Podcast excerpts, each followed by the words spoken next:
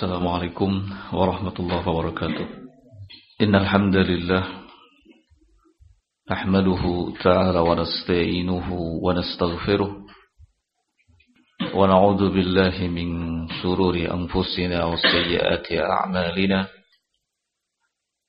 من يهده الله فلا مضل له ومن يضلل فلا هادي له أشهد أن لا إله إلا الله وحده لا شريك له وأشهد أن محمدا عبده ورسوله. يقول الله سبحانه وتعالى في كتابه الكريم يا أيها الذين آمنوا اتقوا الله حق تقاته ولا تموتن إلا وأنتم مسلمون.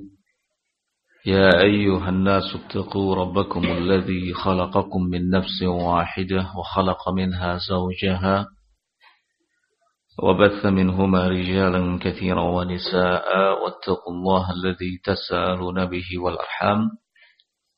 إن الله كان عليكم رخيبا يا أيها الذين آمنوا اتقوا الله وقولوا قولا سديدا يصلح لكم أعمالكم ويغفر لكم ذنوبكم. ومن يطع الله ورسوله فقد فاز فوزا عظيما. أما بعد فإن أصدق الحديث كلام الله تعالى وخير الهدي هدي محمد صلى الله عليه وعلى آله وسلم وشر الأمور محدثاتها فإن كل محدثة في دين الله بدعة وكل بدعة ضلالة وكل ضلالة في النار. إخواني في الله رحمني ورحمكم الله. Alhamdulillah pada pagi hari ini atas izin Allah Subhanahu wa taala kita kembali dipertemukan dalam halaqah ilmiah. Dan insyaallah kita akan manfaatkan pertemuan ini untuk mengkaji beberapa ayat dari kitabullah azza wajalla tepatnya dari Quran surat Ali Imran ayat yang ke 100 sampai 103. Untuk tafsirannya sepenuhnya saya ambil dari tafsir Al-Quranul Azim karya Fadilatul Syekh Muhammad bin Saleh Al-Utsaimin rahimahullah. Kita akan mulai dari ayat yang ke-100. Allah Subhanahu wa taala berfirman, A'udzu billahi as-samii'il 'aliim minasy syaithaanir rajiim. Ya ayyuhalladzina amanu in tuti'u fariqan minal ladzina utul kitab yaruddukum ba'da imanikum kafirin. Wahai orang-orang yang beriman, jika kalian menaati sebagian orang dari orang-orang yang telah diberikan kepada mereka Alkitab, niscaya mereka akan mengembalikan kalian kepada kekafiran setelah sebelumnya kalian beriman. Ada beberapa faidah penting yang bisa kita ambil dari ayat ini seperti yang dijelaskan oleh Syekh Muhammad bin Saleh Al-Utsaimin rahimahullahu taala di antaranya pertama ayat ini diawali dengan seruan yaitu tepatnya pada kata ya. Ya ini kalau dalam bahasa Arab adalah harfun nida, huruf yang digunakan untuk memanggil, menyeru. Jadi ayat ini diawali dengan seruan. Ya ayyuha. Ya ayyuhalladzina amanu. Wahai orang-orang yang beriman. Seruan ini menunjukkan bahwa apa yang akan disampaikan oleh Allah Subhanahu wa taala adalah sesuatu yang penting. Sebab dalam seruan itu ada peringatan, ada tambih, ada warning. Diseru oleh Allah Subhanahu wa taala di ayat ini orang-orang yang beriman. Ya ayyuhalladzina amanu, wahai orang-orang yang beriman, in tuti'u jika kalian menaati fariqam minal ladzina utul kitab, sebagian orang atau sekelompok orang yang telah diberikan kepada mereka al-kitab. Orang-orang yang telah diberikan kepada mereka al-kitab adalah ahlul kitab. Adalah ahlul kitab. Jika kalian, kata Allah, wahai orang-orang yang beriman, menaati sebahagian dari ahli kitab. Kenapa disebutkan sebahagian dari ahli kitab? Karena sebagian dari ahli kitab yang lain itu menyata ada yang menyatakan keimanan kepada Nabi kita Muhammad sallallahu alaihi wasallam. Jadi enggak semua. Di antara ahli kitab yang menyatakan iman kepada Allah, iman kepada Nabi kita Muhammad sallallahu alaihi wasallam, mereka disebut mukminin. Mereka disebut mukminin. Ahli kitab yang dimaksud adalah al-Yahud wan Nasara.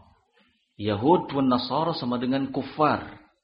Dan Allah Subhanahu wa taala telah menyebut mereka sebagai orang-orang kafir. Innal ladzina kafaru min ahlil kitab. Sesungguhnya orang-orang kafir dari kalangan ahlul kitab. Jadi kata kafir memang disebutkan oleh Allah Subhanahu wa taala menyebut siapa saja yang tidak masuk dalam kategori muslim alias non muslim. Mereka disebut kafir oleh Allah Subhanahu wa taala.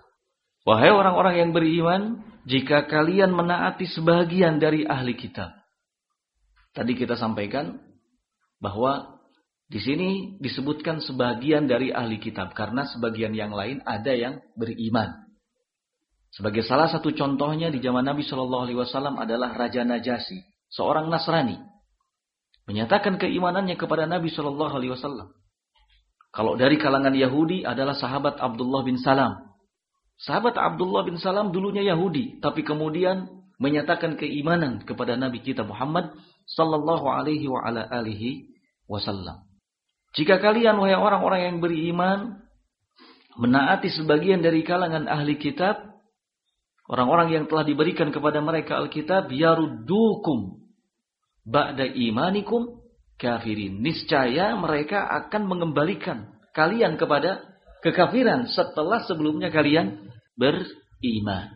Nah, di ayat ini Allah Subhanahu wa taala menjelaskan tentang bagaimana ambisi orang-orang kafir untuk menyesatkan kaum mukminin dan ambisi itu tidak pernah padam. Ambisi itu tidak pernah padam sampai hari kiamat. Oleh karenanya di ayat lain Allah mengingatkan walang tardo angkal yahud walan nasara hatta tattabi'a millatahum. Orang Yahudi, orang Nasrani itu nggak akan pernah rela, nggak akan pernah ridho terhadapmu sampai kamu mau mengikuti agama mereka. Jadi hukum asal antara kita dengan Yahudi dan Nasrara adalah permusuhan. Adalah permusuhan. Dulu Nabi Ibrahim alaihi salatu wassalam juga menetapkan permusuhan dengan kaum musyrikin. Kafarna bikum kata Nabi Ibrahim. Wa bada bainana wa bainakumul adawah wal baghdha abadan hatta tu'minu billah.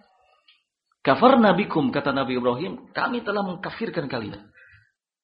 Mulai saat ini nampak jelas antara kami dengan kalian adanya permusuhan dan kebencian. Abadan selama-lamanya sampai kalian mau beriman kepada Allah Subhanahu wa taala. Jadi tidak ada kasih sayang dengan non muslim. Enggak ada loyalitas yang harus diberikan kepada non muslim, kepada orang-orang kafir, kepada Yahudi dan Nasara. Karena nyata jelas mereka sangat berambisi untuk menyesatkan kaum mukminin. Nah, ikhwan fillah rahimani wa rahimakumullah Syekh Muhammad bin Salih Al-Utsaimin menyebutkan faidah lain dari ayat tadi yaitu bahwa pada ayat ini ada peringatan dari Allah Subhanahu wa taala ditujukan khusus kepada kaum mukminin dari menaati orang-orang kafir. Orang-orang yang beriman, kaum mukminin diperingatkan oleh Allah Subhanahu wa taala agar jangan sampai memberikan ketaatan kepada orang-orang kafir. Apa yang menjadi sebabnya? Yaruddukum ba'da imanikum kafirin. Dijelaskan sebabnya di akhir ayat. Karena mereka sangat berambisi untuk menyesatkan kalian, membuat kalian murtad, meninggalkan agama kalian. Ini Kemudian Asy-Syaikh rahimahullahu taala juga mengatakan bahwa asalib ahli kitab fi idlalil muslimin kathirah. Propaganda ahli kitab Yahudi dan Nasara dalam menyesatkan kaum muslimin itu sangat banyak sekali. Ya, sangat banyak sekali. Karena ambisinya tadi, sehingga segala macam cara mereka lakukan. Ya. Apa di antaranya? Beliau rahimahullah mengatakan di antaranya adalah fathu babis syahwat, membuka lebar-lebar pintu syahwat. Membuka lebar-lebar pintu syahwat. Ya. Ditampakkan di hadapan kaum muslimin. Agar kaum muslimin menjadi rusak. Ya moralnya. Untuk kemudian rusak ibadah dan akidahnya. Dibuka. Ya, lebar-lebar pintu syahwat. Ini yang pertama. Kemudian yang kedua, ya, yang kedua, mereka menanamkan pemikiran-pemikiran kufur. Menanamkan pemikiran-pemikiran kufur. Ya. Mereka menyebarluaskan sebuah paham, sebuah pemikiran bahwa manusia itu mendapatkan kebebasan hidup sebebas-bebasnya. Ada juga yang diistilahkan dengan HAM, hak asasi manusia. Itu sama, termasuk propaganda kufar ahlul kita. Nah. Kemudian yang berikutnya, yang ketiga, kata Syekh, tazyinur riba. Di antara propaganda ahlu kitab, Yahudi dan Nasara adalah tazyinur riba. Bisyatta anwa'iha membuat indah atau mengemas riba menjadi sesuatu yang indah, sesuatu yang e, bisa menarik hati ya, di depan kaum muslimin bisyatta anwa'iha dengan segala macam bentuknya. Ya. Dengan segala macam bentuknya. Nah, diolah sama mereka. Supaya kaum muslimin ya, tidak merasa kalau muamalah yang dilakukan yaitu muamalah yang mengandung apa? Riba. Segala macam transaksi itu dikemas sedemikian rupa sehingga nggak nampak unsur ribanya. Ini propaganda ahlul kitab, Yahudi dan Nasara. Karena sekali lagi tujuan utama mereka adalah yaruddukum ba'da imanikum kafirin. Membuat kalian murtad setelah kalian beriman. Nah, ini secara ringkas isi dari ayat yang ke-100. Kemudian berikutnya ayat yang ke-101 Allah Subhanahu wa taala berfirman wa kaifa takfuruna wa antum tutla alaikum ayatullah wa fikum rasuluhu wa may ya'tasim billah faqad hudiya ila siratim mustaqim. Kata Allah Subhanahu wa taala wa kaifa takfurun Bagaimana bisa kalian kafir? Sementara dibacakan di hadapan kalian ayat-ayat Allah. Dan ada di tengah-tengah kalian Rasulnya. Lalu kata Allah, barang siapa yang berpegang teguh dengan tali Allah, maka sungguh ia telah diberi petunjuk menuju jalan yang lurus. Kata Syekh Ibn Uthaymin rahimahullahu ta'ala, ayat ini dibuka dengan kata kaifa dibuka dengan kata kaifa yang mengandung dua makna. Mengandung dua makna. Makna yang pertama adalah pertanyaan. Makna yang pertama adalah pertanyaan kaifa takfurun. Pertanyaan yang mengandung unsur kok bisa gitu ya. Pertanyaan yang mengandung unsur kok bisa sampai sejauh itu. Istibad. Nah, ini yang pertama. Wa kaifa takfurun? Bagaimana bisa kalian kafir? Ini kalau dalam bahasa kita kan jelas ya. Kok bisa sih kafir? Ini pertanyaan tapi pertanyaan yang apa ya? Seolah-olah kita menganggap ini sesuatu yang mustahil terjadi. Ini makna yang pertama. Wa kaifa takfurun? Kok bisa kalian kafir? Dalam keadaan dibacakan kepada kalian ayat-ayat Allah. Kita kalau menganggap mustahil sesuatu yang ternyata terjadi kan biasanya begitu. Iya ya. Kok bisa sih? Begitu. Alamatnya sudah jelas kok masih nyasar jalannya. Udah jelas. Kasih alamat rute. Nah, ada punya Google Map. Ada jalur-jalurnya. Masih saja nyasar. Nah, akhirnya kita mempertanyakan. Dengan ada menganggap ini sesuatu yang mustahil terjadi. Kok bisa? Ini makna yang pertama. Allah juga begitu di ayat yang ke-101 ini. Mempertanyakan yang mengandung unsur memustahilkan sesuatu itu bisa terjadi. Wa kaifa takfurun? Bagaimana bisa kalian kafir? Ini makna pertama. Makna yang kedua kata Syekh bin Utsaimin rahimahullahu taala adalah takjub. Ya. Adalah takjub. Pertanyaan yang mengandung keheranan. Pertanyaan yang mengandung apa? Keheranan. Wa kaifa takfurun? Mengapa bisa? Mengapa bisa? Heran. Mengapa bisa kalian kafir? Sedangkan tutsla alaikum ayatullah dibacakan kepada kalian ayat-ayat Allah. Ayat-ayat Allah yang dimaksud di sini kata Syekh bin Utsaimin rahimahullahu taala adalah ayat-ayat yang syar'i dalam artian Al-Qur'an dibacakan kepada kalian Al-Quran.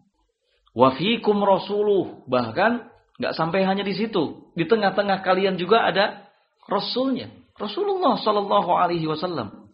Ya. Yang mereka saksikan setiap hari. Sobahan wa masaan. Pagi dan sore. Ada Rasul. Kemudian kata Allah, "Wa may ya'tasim billah faqad hudiya ila siratim mustaqim." Barang siapa yang berpegang teguh kepada tali Allah faqad hudiya ila siratim mustaqim. Kata sirat ya, ini bisa dibaca dua. Bisa dengan menggunakan huruf sin, sirat, bisa juga dengan menggunakan huruf sad. Siratal mustaqim atau siratal mustaqim. Jadi bisa pakai sin, bisa pakai sad. Ada dua bacaan. Ada dua bacaan. Jangan disalahkan kalau antum dengar imam baca Sirotolnya itu pakai sin. Sirotol mustaqim. Benar, nggak salah. Kitanya saja yang nggak tahu ilmunya. Nah, jadi jangan gampang menyalahkan dulu. Ya. Nah, ada dua bacaan ternyata. Bisa pakai sin, bisa pakai sod. Ikhwan fiddin rahimani wa rahimakumullah. Adapun faidah yang disebutkan oleh Syekh Muhammad bin Saleh Al-Utsaimin rahimahullahu taala pada ayat ini ya. Antara lain pertama al-hathu alal i'tisam. Dorongan, motivasi dari Allah Subhanahu wa taala kepada segenap kaum mukminin agar berpegang teguh ya, kepada tali Allah. Berpegang teguh kepada tali Allah. Islam. Jangan sampai lemah. Nah, jangan sampai mudah diperdaya, mudah ditipu. Karena seorang muslim itu adalah seorang yang lahir dan batinnya muslim.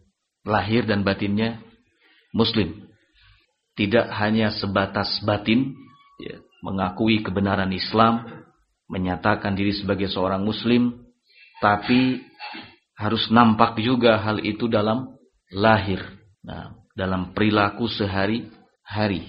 Nah, oleh karenanya di sini Allah menghasung untuk kita semua i'tisam bihi berpegang teguh kepadanya, kepada tali Allah Subhanahu wa taala.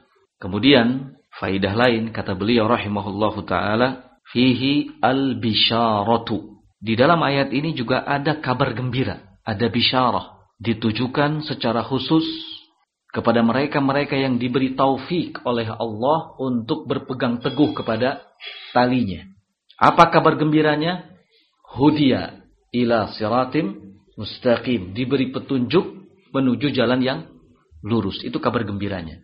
Nah, dan Al-Quran, rahimakumullah, secara keseluruhan, itu kalau tidak mengandung bisyarah, kabar gembira, maka di dalamnya mengandung peringatan, peringatan, ya, ancaman, janji, nah, yang disampaikan oleh Allah Subhanahu wa taala. Ada janji, ada ancaman, ada juga bisyarah, kabar gembira. Allah menyampaikan kabar gembira di sini khusus bagi mereka yang diberi taufik olehnya untuk berpegang teguh kepada talinya. Kabar gembiranya adalah diberi petunjuk menuju jalan yang lurus, dimudahkan untuk berpegang teguh kepada Islam, menuju Islam. Nah, dilapangkan dadanya. Kemudian faidah berikutnya kata beliau rahimahullahu taala di ayat ini ada keterangan bahwa dinullah dinun mustaqimun. Agama Allah Subhanahu wa taala itu adalah agama yang lurus. Dinun mustaqim, agama yang lurus, ya. Karenanya di akhir ayat Allah mengatakan faqad hudiya ila siratim mustaqim telah diberi petunjuk menuju jalan yang lurus. Islam tadi, tali Allah. Tali Allah disebut jalan yang lurus. Maka agama Allah, Islam adalah dinun mustaqim. Agama yang lurus. Berikutnya kita masuk di ayat yang ke-102. Allah Subhanahu wa taala berfirman, "Ya ayyuhalladzina amanu taqullaha haqqa tuqatih wa la tamutunna illa wa antum muslimun." Wahai orang-orang yang beriman, bertakwalah kalian kepada Allah. Haqqa tuqatihi dengan sebenar-benarnya takwa. Wala tamutunna dan jangan sekali-kali kalian mati meninggalkan dunia ini. Melainkan dalam keadaan berserah diri kepada Allah. Di atas Islam. Nah, ayat ini diawali dengan apa? Tadi seruan, nida. Ya ayyuhalladzina amanu. Sama faidahnya. Seperti yang pertama tadi. Setiap ayat yang diawali dengan seruan, ya, ini menunjukkan bahwa Allah Subhanahu wa taala akan menyampaikan sesuatu yang penting. Kita memang harus belajar ya, mengetahui perkara-perkara yang penting dari apa yang Allah Subhanahu wa taala sampaikan dalam Al-Qur'an. Ada ayat yang diawali dengan seruan, ya. Ada ayat yang diawali dengan wa'id. Id. Banyak sekali, ya. Wa'id. Itu artinya ingatlah. Setiap ayat yang diawali dengan id wa id itu artinya ingatlah. Nah, kalau ya itu himbauan, seruan. Nah, ya ayyuhalladzina amanu wahai orang-orang yang beriman, ittaqullah, bertakwalah kalian kepada Allah Subhanahu wa taala. Di ayat lain di surat An-Nisa ayat 131, Allah Subhanahu wa taala telah menjelaskan bahwa takwa itu adalah wasiat yang telah Allah Subhanahu wa taala sampaikan kepada seluruh generasi umat. Nah, Allah berfirman, "Walaqad wassaynal ladzina utul kitab min qablikum wa iyyakum anittaqullah." Dan sungguh kata Allah, kami telah mewasiatkan kepada orang-orang yang telah diberikan Alkitab kepada mereka sebelum kalian dan kepada kalian. Apa wasiatnya? anittaqullah agar kalian bertakwa kepada Allah. Ini wasiatnya. Nah, kalau di ayat ini secara khusus yang dihimbau adalah orang-orang yang beriman. Ya ayyuhalladzina amanu taqullah. Wahai orang-orang yang beriman, bertakwalah kalian kepada Allah. Jadi ada penekanan lagi secara khusus. Setelah sebelumnya Allah sampaikan bahwa takwa adalah wasiat yang telah Allah sampaikan ya, kepada segenap umat. Nah, Bukan hanya kepada umat muslim ini saja. Tapi kepada seluruh umat yang telah diberikan Alkitab kepada mereka. Nah, Syekh Ibn Uthaymin rahimahullah ta'ala. Beliau mengatakan bahwa kata takwa di ayat ini. Maknanya adalah ittihadu wiqayatan min azabillah bifi'li awamirihi wajtinabi nawahihi. Ittihadu wiqayah min azabillah bifili awamirihi wajtinabi nawahihi. Takwa itu berarti apa? Ittihad wiqayah. Menjaga diri, menjaga diri, membuat perlindungan dari azab Allah dengan cara mengerjakan setiap perintah-perintahnya dan menjauhi larangan-larangannya. Karena kata takwa itu berasal dari kata waqayaki, wiqayah. Waqayaki, wiqayah. Itu artinya perlindungan diri. Nah, protektor. Jadi takwa berarti memproteksi diri. Ittihad wiqayah, memproteksi diri dari azab Allah. Caranya dengan melaksanakan segenap perintahnya dan menjauhi larangan larangannya. Nah, ayat ini secara makna sangat jelas sekali. Untuk itu Syekh Muhammad bin Shalih Al-Utsaimin rahimahullah taala menyebutkan beberapa faidah yang terkandung di dalamnya. Pertama, wujubu taqwallah kata beliau. Wujubu taqwallah, ada kewajiban untuk bertakwa kepada Allah Subhanahu wa taala. Jadi hukumnya wajib. Kemudian faidah yang kedua adalah al-inayatu wal ihtimamu bit taqwa. Al-inayatu wal ihtimamu bit taqwa. Ada himbauan, ada seruan dari Allah kepada segenap kaum muslimin agar perhatian ya, agar perhatian dan fokus perhatian dan fokus kepada ketakwaan. Jangan sampai lalai dari yang namanya takwa. Kenapa? Karena takwa adalah proteksi, sesuatu yang bisa melindungi diri. Nah, yang ketiga, at-taqwa min muqtadayatil iman. Di ayat ini ada keterangan bahwa takwa merupakan konsekuensi dari iman. Konsekuensi dari iman. Lihat bagaimana Allah membuka firman-Nya dengan menyeru orang-orang yang beriman. Ya ayyuhalladzina amanu. Wahai orang-orang yang beriman. Kalau kalian mengaku beriman, maka konsekuensinya adalah ittaqullah. Bertakwalah kalian kepada Allah. Haqqa tuqatihi. Dengan sebenar-benarnya takwa. Jadi, takwa adalah konsekuensi dari sebuah keimanan. Akan benar keimanan itu manakala didukung dengan ketakwaan. Dan sebaliknya, Keimanan menjadi sesuatu yang tidak berarti manakala tidak ada nilai-nilai takwa di dalamnya. Nah, faidah yang berikutnya yang keempat, wujubul baqa 'alal Islam wal mubadarah bihi. Wajib untuk tetap berada di atas Islam dan bersegera menyambut seruan Islam. Di akhir ayat Allah Subhanahu wa taala menyatakan wala tamutunna illa wa antum muslimun. Jangan sampai kalian mati kecuali dalam keadaan berserah diri. Kalian di atas Islam. Ini seolah-olah Allah memerintahkan kepada kita, menyeru kita untuk tetaplah berada di atas Islam. Tetap berada di atas Islam. Ya, sampai akhir hayat Nah, jangan sampai keluar dari Islam dan harus segera menyambut seruan Islam. Kenapa? Karena kalian akan mati. Kalian akan mati. Wala tamutunna. Jangan sekali-kali kalian mati kecuali di atas Islam. Ya, dalam keadaan berserah diri kepada Allah Subhanahu wa taala.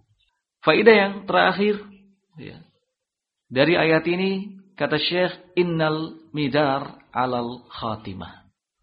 Sesungguhnya yang menjadi patokan dalam segala sesuatu itu adalah al-khatimah, yang menjadi penutupnya. Yang menjadi patokan adalah yang menjadi penutupnya. Makanya Allah mengingatkan, jangan sampai kalian mati tinggalkan dunia ini. Kecuali di atas Islam, berserah diri kepada Allah. Kalau sampai tidak, selesai. Kalian akan celaka. Karena yang jadi patokan adalah penghujungnya. Kata Nabi SAW dalam hadis riwayat Bukhari, Innamal a'mal bil khawatim. Sesungguhnya amalan itu bergantung kepada yang menjadi penutupnya. Kalau yang menjadi penutupnya itu baik, ini tanda-tanda keselamatan. Tapi kalau tidak, maka akan menjadi tanda-tanda kebinasaan, kecelakaan wal billah.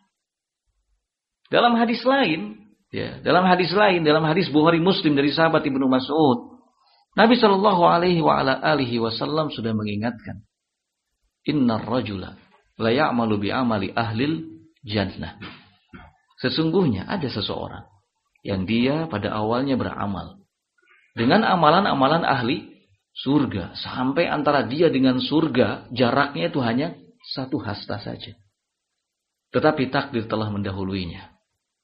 Ya, takdir telah mendahuluinya. Hingga di akhir hayat dia justru malah melakukan amalan-amalan penghuni neraka. Hingga akhirnya masuk ke dalam neraka. Lihat. Tidak berdasarkan dari perjalanan awalnya. Tapi justru berdasarkan perjalanan akhirnya. Tapi jangan kemudian seseorang mengatakan, ah kan amal bergantung kepada yang akhir. Ya sudah nanti sajalah. Sekarang masih usia 20 tahun, 25 tahun, 40 tahun, berarti masih setengah perjalanan. Masih ayaknya 20 tahun, 30 tahun ke depan. Jangan sampai berpikir seperti itu. Ya. Justru ya, penghujung itu yang menjadi penentu baik dan tidaknya penghujung itu bagaimana startnya. Kalau startnya baik, insya Allah ya, akan sampai di garis finish yang dengan selamat kan begitu. Tapi kalau startnya sudah buruk, ini tanda-tanda nanti finishnya nggak jelas. Ya, finishnya tidak jelas. Nah, dan kita tidak tahu apa yang telah Allah Subhanahu wa taala tetapkan untuk kita. Kewajiban kita hanyalah seperti apa yang dihimbaukan oleh Nabi SAW. I'malu, beramal kalian. Fasayarallah amalakum. Allah akan melihat amalan kalian. Nah. Kemudian dalam lanjutan sabdanya Nabi SAW mengatakan wa inna rajul dan seseorang di awal perjalanannya perjalanannya melakukan amalan-amalan ahli nar sampai antara e, jarak antara dia dengan neraka itu hanya satu hasta saja. Fayasbiq alaihil kitab. Tetapi catatan takdir sudah mendahuluinya. Hingga di penghujung hidupnya, di akhir hayatnya dia malah melakukan amalan-amalan penghuni surga dan akhirnya masuk ke dalam surga. Nah, nah kita memohon kepada Allah Subhanahu wa taala agar menutup ya, akhir dari perjalanan hidup kita di atas kebaikan. Nah, ini wasiat Allah ya, wala tamutunna, pesan Allah yang sangat berharga sekali buat kita dan penting untuk kita ingat. Oleh karenanya ayat yang ini ya selalu dibaca oleh Nabi Shallallahu Alaihi Wasallam dalam khutbah al-hajah karena memang ya, ada pesan yang sangat penting di situ. Wala tamutunna illa wa antum muslimun. Ikhwani fiddin rahimani wa rahimakumullah. Selanjutnya ayat yang ke-103. Allah Subhanahu wa taala berfirman wa'tasimu bihablillahi jami'an wa la tafarraqu. Wadhkuru nikmatallah 'alaikum id kuntum a'daan fa'allafa baina qulubikum fa asbahtum bi ni'matihi ikhwana. Nah, ila akhir ayat. Kata Allah Subhanahu wa taala wa'tasimu bihablillahi jami'an. Berpegang teguhlah kalian kepada tali Allah semuanya. Kata wa'tasimu di ayat ini dengan yang sebelumnya di ayat keberapa? 100 eh, satu wa may ya'tasim billah. Ada lagi kata ya'tasim kalau di sini wa'tasimu itu sama maknanya. Wa may ya'tasim billah di ayat 101. Barang siapa yang berpegang teguh kepada tali Allah. Kalau di ayat ini 103 sifatnya perintah.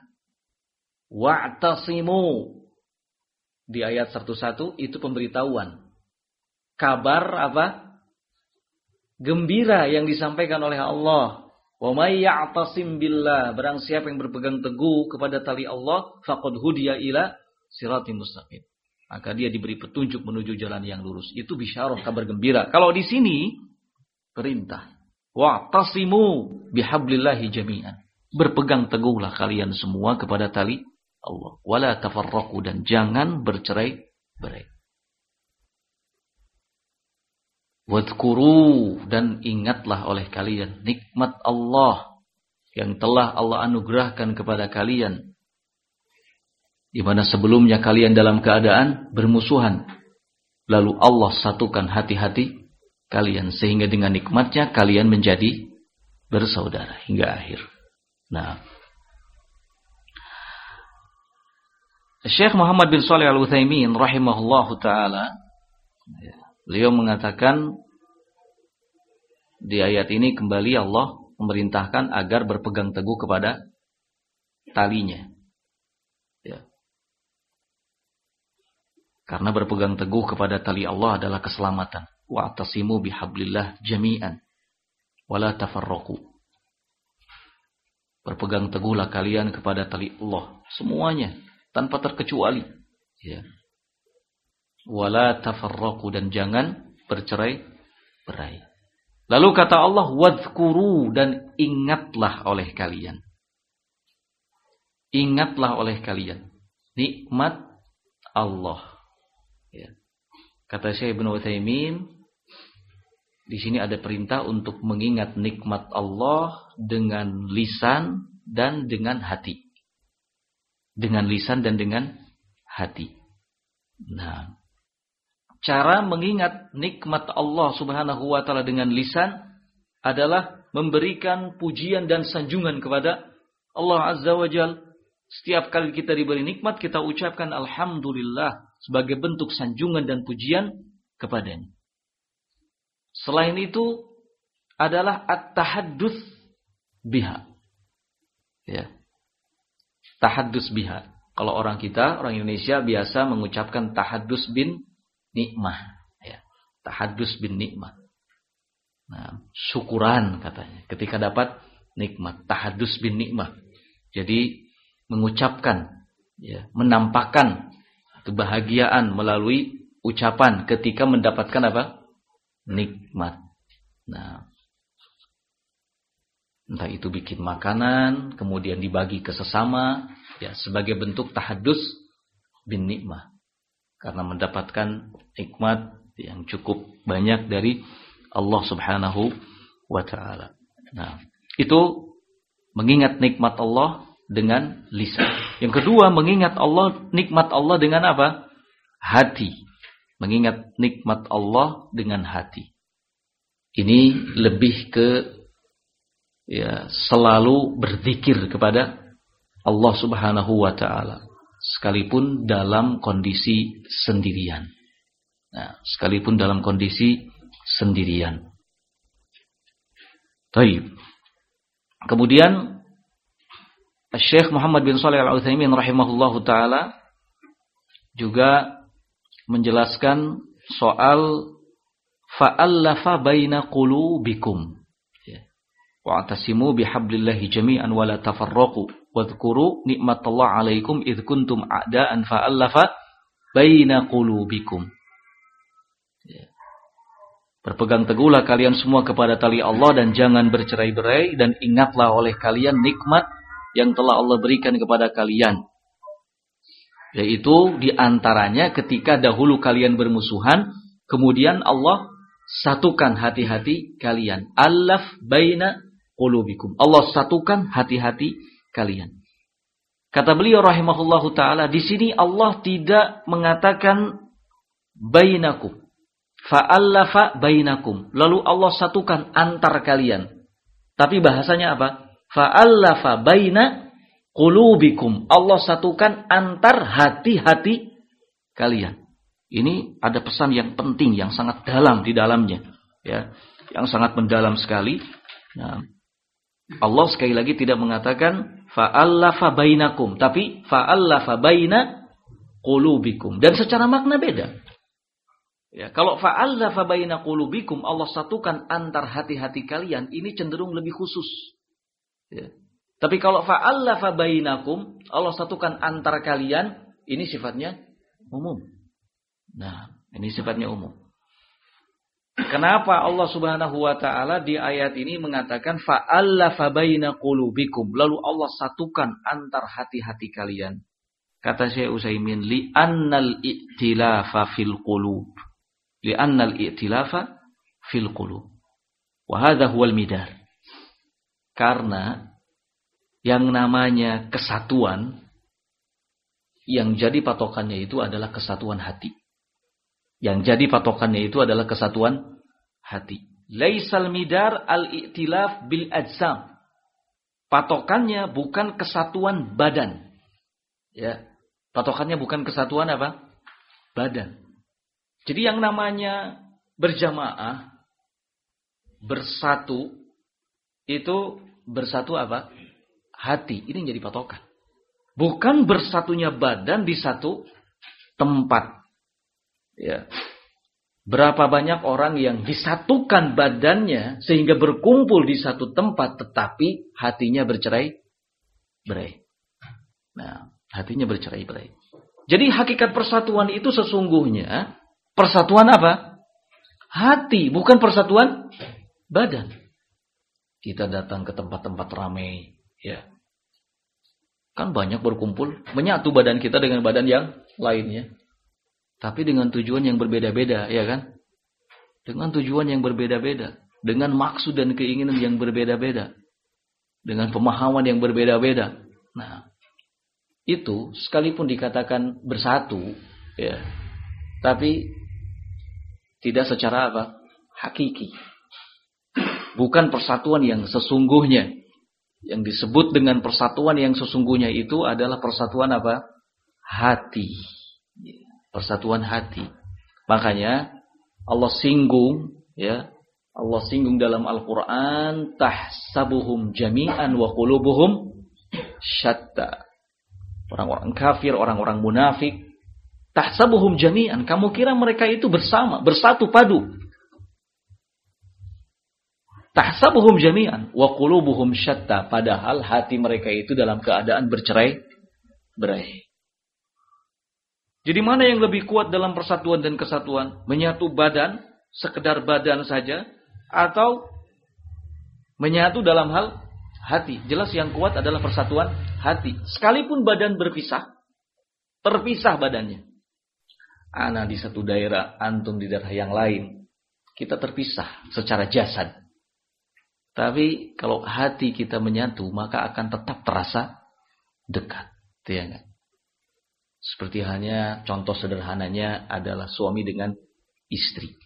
Sekalipun berjauhan, ya si istri di Tasikmalaya, suami di Jakarta, telepon suaminya, Neng, jangan khawatir, aku akan selalu bersamamu, kan begitu. Ya, kenapa? Karena ada kesatuan hati, santai, jangan takut, Neng, kan gitu. Ya, begitu. Badan boleh terpisah, tapi hati menyatu. Jadi persatuan yang sesungguhnya itu adalah persatuan hati. Nah, oleh karena itulah di sini Allah Subhanahu wa taala mengatakan, "Ingatlah nikmat yang telah Allah berikan kepada kalian." Saat dulu kalian bermusuhan, kemudian Allah satukan. Apa yang Allah satukan? Hati-hati kalian. Sehingga hasil akhirnya apa? Fa asbahtum bi ni'matihi ikhwana. Kalian jadi bersaudara. Kalian jadi bersaudara. Kita bersaudara walaupun berjauhan tempat. Kenapa? Karena hati kita sudah disatukan oleh Allah Subhanahu wa taala. Ya, sudah satu pemikiran satu, keyakinan satu, manhaj satu. Badan boleh berjauhan, tapi hati menyatu. Nah, Khonibuddin rahimani wa rahimakumullah. Selanjutnya Syekh Muhammad bin Shalih Al-Utsaimin menyebutkan faidah-faidah penting terkait dengan ayat terakhir yang kita bahas ini. Di antaranya pertama wujubul ijtima' ala syar'illah. Wajib hukumnya berkumpul di atas syariat Allah. Nah, wajib hukumnya berkumpul di atas syariat Allah. Kemudian yang kedua, faedah yang kedua adalah al-ijtima'u ismatun. Persatuan dan kesatuan itu adalah ismah. Penjagaan. Ya. Proteksi kembali. Nah, Sebab kalau kita hidup sendirian akan sangat mudah kita menyimpang karena tidak ada yang mengingatkan. Ya. Yang ketiga, tahrimut tafarruq fil qulub. Haramnya bercerai-berai dalam hati. Ya. Haram bercerai-berai dalam hati. Nah, jangan bercerai-berai terkait dengan apa? Hati. Hati itu harus satu. Ya. Kalau badan berpisah nggak masalah. Kita ahlu sunnah ini nggak dituntut harus tinggal di satu tempat. Pokoknya dari mana pun ahlu sunnah harus tinggal di tempat itu. Kalau tidak tinggal di tempat itu bukan ahlu sunnah. Enggak. Nggak ada seperti itu. Ya, kita tinggal boleh berjauhan. Halal, bukan haram. Ya. Tapi kalau hati kita yang bercerai-berai, walaupun kita bersatu di satu tempat, ini hukumnya apa? Haram. Sekarang kita bersama di sini, duduk bersama di sini. Ya, kalau hati kita bercerai-berai, wah yang satu ikhwan muslim, yang satu ini, yang satu, wah, haram, nggak boleh. Ya, harusnya satu. Nah, jadi yang diharamkan itu adalah berpecah belah, bercerai-berai hati. Nah, kalau badan, ya kalau jism, ini nggak masalah. Berikutnya yang keempat, wujubu tadakkur nikmatillah. Wajib selalu mengingat nikmat Allah subhanahu wa ta'ala. Ya, dan cara mengingatnya ada dua. Pertama, bilisan dengan lisan, yang kedua bil dengan hati. Faidah lainnya yang kelima adalah natijatut ta'lif. Ya. Natijatut ta'lif yaitu at-ta'akhi. Hasil ya, akhir dari persatuan hati. Nah, kesatuan hati adalah at-ta'akhi, adanya persaudaraan ukhuwah. Nah, adanya ukhuwah. Makanya ikhwan fillah rahimani wa rahimakumullah yang mampu menyatukan hati itu hanya Allah. Ya. Yang mampu menyatukan hati itu hanyalah Allah Subhanahu wa taala. Nah, sekalipun kita berusaha untuk menyatukan hati-hati manusia, kita nggak akan mampu untuk melakukannya. Karena yang mampu menyatukan hati hati manusia itu adalah Allah Subhanahu wa ta'ala. Ketika hati kita sudah disatukan dalam satu pemikiran, satu akidah, satu keyakinan, maka ini butuh untuk terus kita syukuri. Karena ini adalah anugerah nikmat yang paling besar. Ya. Kalau cuma untuk mengumpulkan ya orang masa di mana nampak badannya, nampak jumlahnya banyak, itu sih gampang. Ya. Gampang. Kita nggak heran banyak orang bisa berkumpul di satu tempat, di Monas apa di mana, jutaan orang. Ah, nggak heran, biasa aja kok. Ya kan? Biasa aja sebanyak itu manusia. Banyak orang yang takjub. Wah, subhanallah, ini kekuatan Islam yang luar biasa. Ah, masa iya? Ya kan? Hatinya itu belum tentu sama. Keyakinannya berbeda-beda. Itu bukan persatuan yang seperti itu. Kalau dikatakan badannya berkumpul di situ, iya. Ya, tapi hakikat persatuan itu bukan menyatunya badan. Tapi menyatunya apa? Hati. Di mana di dalam hati itu ada ya tikod, ada keyakinan, ya, ada pemikiran. Nah, jadi kita nggak nggak heran, gampang mengumpulkan orang untuk bisa berkumpul di satu tempat. Ya, nampak jasadnya, person-personnya, mudah. Yang sulit itu menyatukan apa? Hati. Ya, maka Wajib kita syukuri ketika Allah satukan hati-hati kita. Ya, dan hasil akhir dari kesatuan hati itu adalah adanya apa? Ukhuwah, persaudaraan yang kuat. Nah, demikian eh, apa yang bisa kita sampaikan pada kesempatan ini semoga bermanfaat. Dan sebetulnya faidah-faidah yang disebutkan Syekh Ibnu Utsaimin banyak ya dari setiap ayatnya itu. Cuma kita ringkas karena mengingat waktu yang ya terbatas. Tapi semoga itu sudah mewakili hal-hal penting yang beliau sampaikan terkait dengan tafsiran ayat yang ke-100 sampai 103 dari Quran surat Ali Imran. Kita cukupkan sampai di sini. Subhanakallahumma bihamdik. Asyhadu an la ilaha illa anta astaghfiruka wa atubu ilaik. Walhamdulillahirabbil alamin. Assalamualaikum warahmatullahi wabarakatuh.